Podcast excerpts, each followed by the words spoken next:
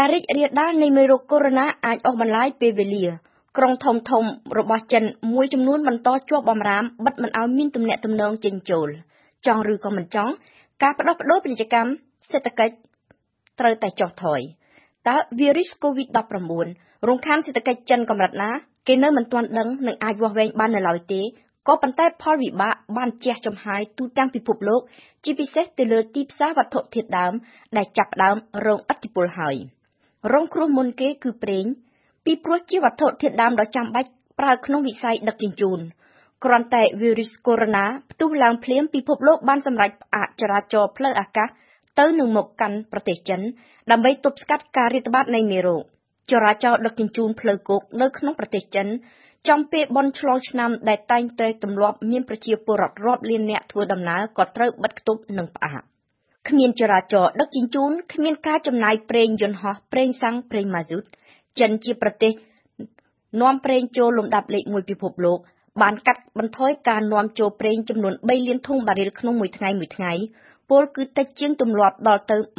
20%បើតាមការិយាល័យសិក្សា Keros ចិនបានបន្ថយការនាំចូលប្រេងឆៅរយៈពេល2សប្តាហ៍ជាប់គ្នា ហើយប្រេងស្តុកនៅក្នុងឃ្លាំងក៏មិនបានរលួសស្រកចុះដែរ។ ផលិតកម្មអគ្គិសនីក៏ថយចុះទាំងនេះមិនមែនជាសញ្ញាល្អទេសម្រាប់ទីផ្សារប្រេងដែលនាំគ្នាព្រួយបារម្ភនឹងបន្តធ្លាក់ថ្លៃដល់ក្រោម60ដុល្លារក្នុងមួយធុងបារីលហើយទើបតែនឹងចាប់ផ្ដើមរ៉ាប់ថ្លៃវិញបន្តិចនៅសប្តាហ៍នេះប្រេងធ្លាក់ថ្លៃក៏ព្រោះតែតម្រូវការរបស់ចិនធ្លាក់ចុះចុះកាហ្វេមានពាក់ព័ន្ធអ្វីនឹងកូវីដ -19 ដែរបានជាបាត់បង់តម្លៃខ្លាំងជាងគេនៅក្នុងចំណោមវត្ថុធាតុដើមទាំងឡាយ ក្រែងចិនល្បីខាងផឹកតែទេតើ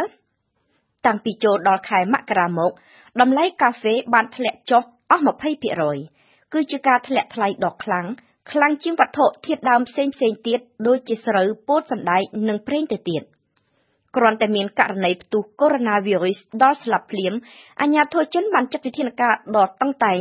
បញ្ជាឲ្យបិទហាងកាហ្វេរបស់ក្រុមហ៊ុនខ្នាតពហុជាតិរបស់អាមេរិក ចំនួនជាង200កន្លែងនៅទូទាំងប្រទេសចិន និងហាងកាហ្វេរបស់ក្រុមហ៊ុនជាតិជាច្រើនកន្លែងផ្សេងទៀតដើម្បីទប់ស្កាត់ការរីករាលដាលនៃវីរុសកូវីដ -19 តាមការពិត ប្រជាជនចិនគ្មានប្រពៃណីជាអ្នកទទួលទានកាហ្វេមែន ចិនទិញកាហ្វេតែ2%ប៉ុណ្ណោះពីទីផ្សារពិភពលោកក៏ប៉ុន្តែចិនបានបង្កើនការនាំចូលដល់ទៅ3ដងក្នុងរយៈពេលតែ10ឆ្នាំ ហើយនឹងអាចត្រូវការបន្ថែមជាច្រើនទៀត ទីផ្សារកាហ្វេពិភពលោកដែលជួបការលំបាកតាំងតែពីមួយឆ្នាំមកហើយរំពឹងទៅលើសក្តានុពលរបស់ចិនខ្លាំងណាស់ចុះបើឥឡូវចិនត្រូវបន្ថយគ្រប់សកម្មភាពដោយហេតុតែកូវីដ -19 ដូច្នេះទីផ្សារកាហ្វេក៏ត្រូវតែរងគ្រោះដោយជៀសមិនរួចដែរកាហ្វេបានធ្លាក់ថ្លៃពេញមួយឆ្នាំកន្លងមកហើយកសិករអ្នកដាំកាហ្វេធ្លាក់ទឹកចិត្តយ៉ាងខ្លាំងជាពិសេសកសិករនៅតំបន់អាមេរិកកណ្ដាល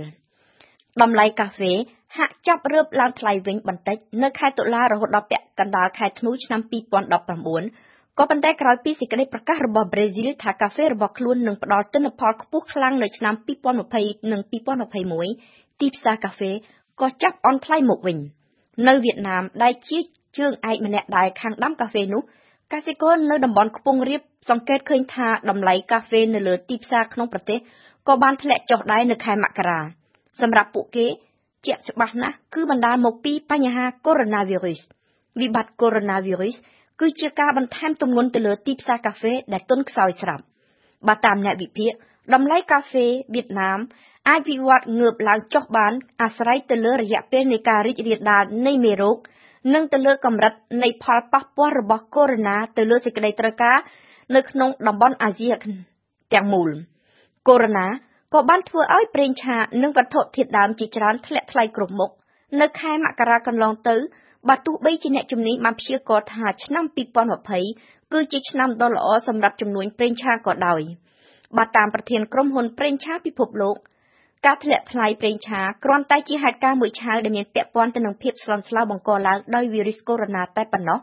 តម្លៃប្រេងនឹងឡើងថ្លៃវិញដោយការព្យាករណ៍ពីព្រោះទិន្នផល ដូងប្រេងក៏ចាប់ធ្លាក់ចុះ ឯផលិតផលផ្កាគុលសាបានផលទាបខ្លាំងមិនធ្លាប់មានគិតក្នុងរយៈពេល8ឆ្នាំចុងក្រោយនេះ ជំងឺរាតត្បាតលើកមុន បានធ្វើឲ្យពិភពលោកខាតបង់ថវិការាប់សិបពាន់លានដុល្លារ ហើយក្នុងពេលមានវិបត្តិម្ដងម្ដងមានតែវត្ថុធាតុដើមមាសនិងប្រាក់ទេដែលពុំចេះបាត់បង់តម្លៃ។